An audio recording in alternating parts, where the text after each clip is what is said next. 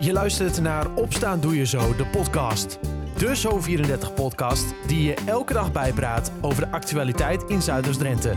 In een klein kwartier ben jij weer helemaal op de hoogte.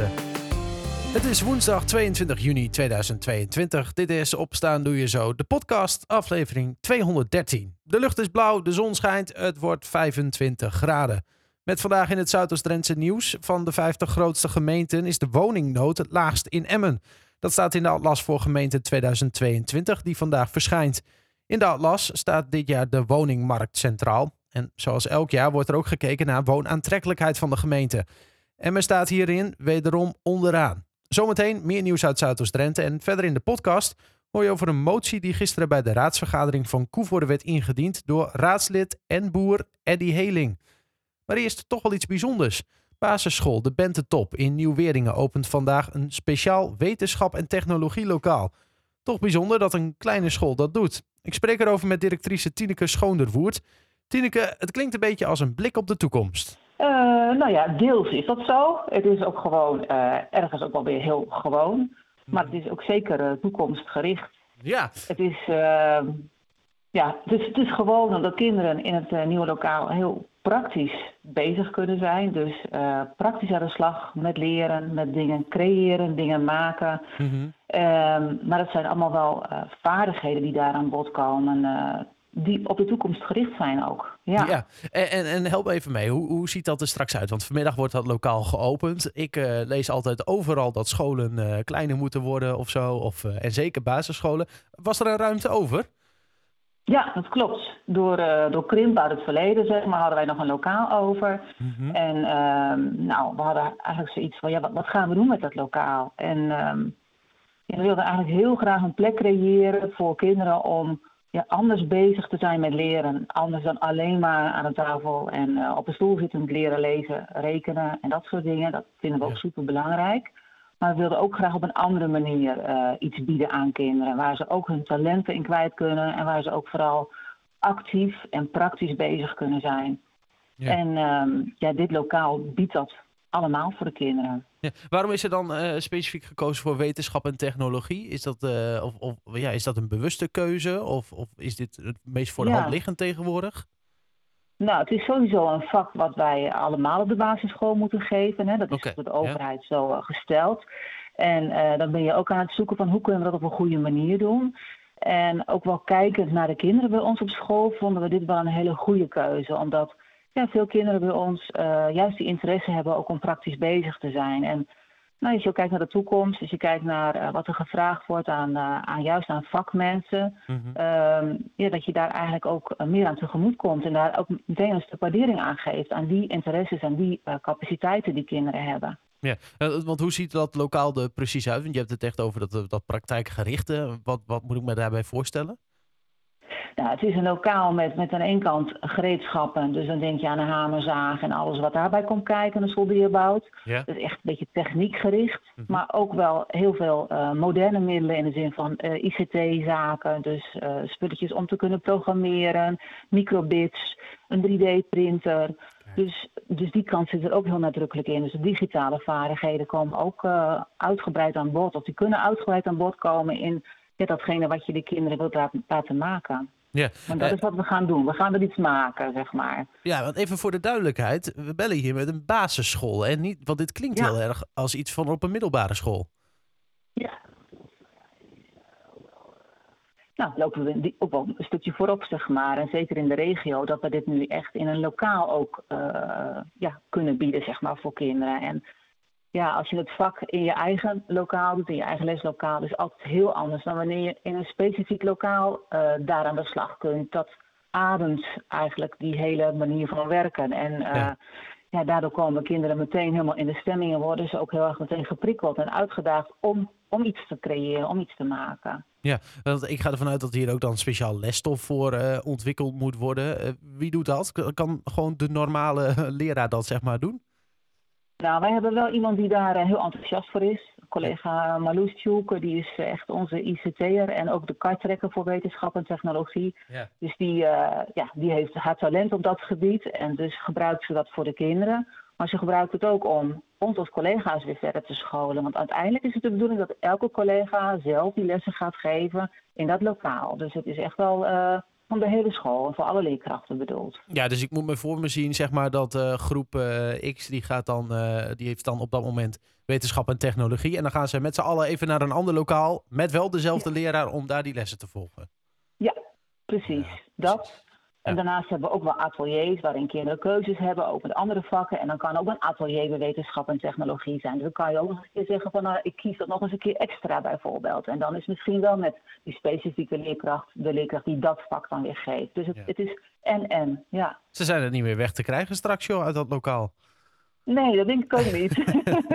kinderen zijn heel enthousiast, dat merk je aan. Want ook kinderen die dan bijvoorbeeld in de klas gewoon ja, niet altijd even gemotiveerd zijn voor lezen bijvoorbeeld. En dan zie je ze daar aan de slag eh, met timmeren en met hout. En dan, nou ja, dan zie je ze gewoon helemaal enthousiast worden. En dat is, dat is super mooi. Ja, ik vind het toch uh, ook wel eh, bijzonder dat jullie als nou, kleine school eigenlijk, want nou ja, dat, dat, dat, dat het dan maar zomaar kan. Ja, ja, dat is ook zo. Ja, ja ik moet zeggen, wij hadden, uh, nou ja, we hebben het lokaal natuurlijk over. Daarnaast hadden we nog een klein spaarpotje. Maar daarnaast hebben we ook met de NPO-gelden die we vanuit de overheid krijgen. Hè. Dat zijn de gelden vanuit de, door de corona, zeg maar, die de scholen allemaal extra geld hebben gekregen om hun onderwijs uh, weer ja, weer, uh, sterker te maken. Dus daar hebben we ook een stukje van dat geld voor gebruikt om het anders leren ook ja, een plek te geven. Want als je kijkt, wat hebben kinderen nou gemist in coronatijd met thuisonderwijs? Nou, dan is het ook het praktisch bezig zijn, het samenwerken, het overleggen. Dus, dus in die zin ehm, ja, krijgt het op deze manier denk ik ook een hele mooie bestemming. Nou, inderdaad. 1 en 1 is 2 wat dat betreft. Uh, vanmiddag dan wordt dat uh, lokaal geopend. Uh, groot ja. comité erbij of valt dat nog mee? nou, het wordt, wordt sowieso Ouders, een heel mooi feest. Ja, zeker. Heel feestelijk gebeuren. En alle mensen uit Nieuweringen zijn uitgenodigd. Alle belangstellenden, andere collega's scholen. En voor de kinderen is er ook gewoon iets leuks bij de opening. Dus het, het gaat vast heel gezellig worden, denk ik. Vandaag om half twee is dus de opening van het nieuwe lokaal, die ook nog een speciale naam krijgt. Maar wat die naam is, kan Tineke natuurlijk nog niet verklappen. Mocht je geïnteresseerd zijn, ben je dus van harte welkom om te kijken bij basisschool De Bentetop in Nieuw-Weringen. Zometeen in de podcast hoor je over een ingediende motie bij de gemeenteraad van Koevoorde. Dat na het laatste nieuws uit Zuidoost-Drenthe. Van de 50 grootste gemeenten is de woningnood het laagst in Emmen. Dat staat in de Atlas voor gemeente 2022, die vandaag verschijnt. In de Atlas staat dit jaar de woningmarkt centraal. En zoals elk jaar wordt er ook gekeken naar de woonaantrekkelijkheid van de gemeente. En Emmen staat van de 50 grootste gemeenten hierin wederom onderaan. Op de AG Wildevankweg bij Zandsberg is gisteravond een automobilist van de weg geraakt en tussen de bosjes tot stilstand gekomen in een droogstaande greppel. De bestuurder is overgebracht naar het ziekenhuis voor onderzoek. Waardoor de bestuurder de macht over het stuur verloor, is onbekend. En de gemeente Emmen is van plan een half miljoen euro te steken in de uitbreiding van school De Hessenlanden op het AZC-terrein aan de Wilhelmsweg. Het is de bedoeling dat er drie lokalen worden toegevoegd aan de al zeven bestaande lesruimtes. De bouw staat gepland voor dit jaar. Volgens schooldirecteur Judith van Voren is de toevoeging broodnodig Mede omdat de capaciteit van het opvangcentrum wordt uitgebreid. Het AZC in Emmen heeft momenteel 600 bewoners en krijgt nog eens 100 extra plekken. Bij een inval in een bedrijfspand in Emmen zijn gisteren drie mannen aangehouden. Ze worden verdacht van betrokkenheid bij drugshandel en zijn mogelijk betrokken bij een criminele organisatie. Het gaat om drie Emmenaren van 36, 32 en 28 jaar. De politie onderzocht meerdere panden en woningen in Emmen, waarbij een grote hoeveelheid harddrugs is gevonden. De verdachten kwamen in het vizier na een eerder drugsonderzoek in Duitsland, waarbij in februari vier mensen zijn aangehouden.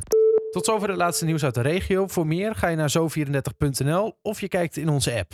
Gisteravond werd er in de raadsvergadering van Koevoorde een motie ingediend door het CDA, samen met BWC 2014, VVD en PPC.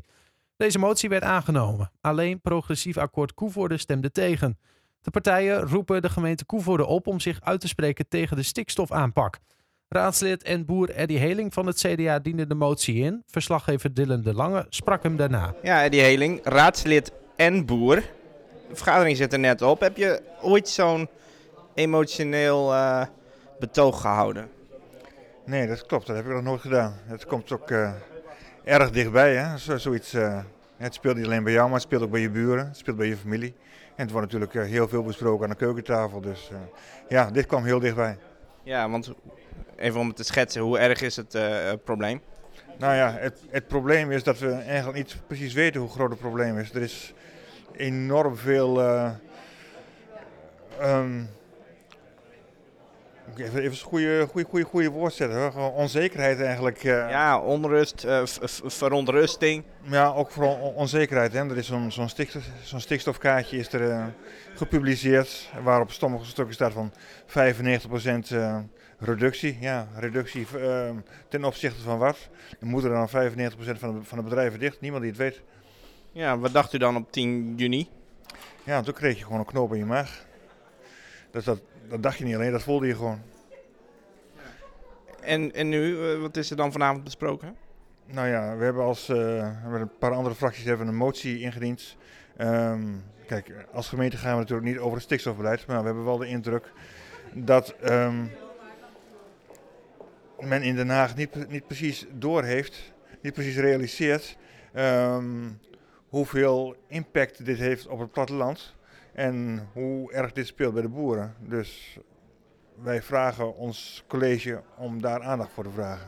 Ja, een signaal afgeven hè, aan, de, aan, de, landelijke overheid in die zin met provincie bijvoorbeeld, uh, om, om kenbaar te maken dat het probleem toch uh, anders ligt dan daar wellicht gedacht wordt. Ja, gelukkig hebben we in de, in de, in de provincie wel een, uh, een hele goede broeder.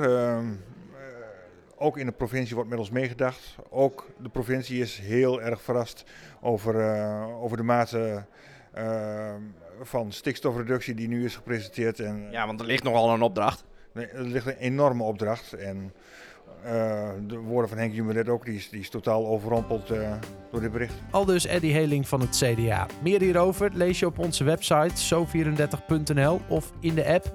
Dan lees je ook een reactie van het college van Koevoorde en waarom de partij PAK als enige partij tegen de motie stemde. Tot zover Opstaan Doe Je Zo, de podcast van woensdag 22 juni 2022. Een fijne dag en tot morgen.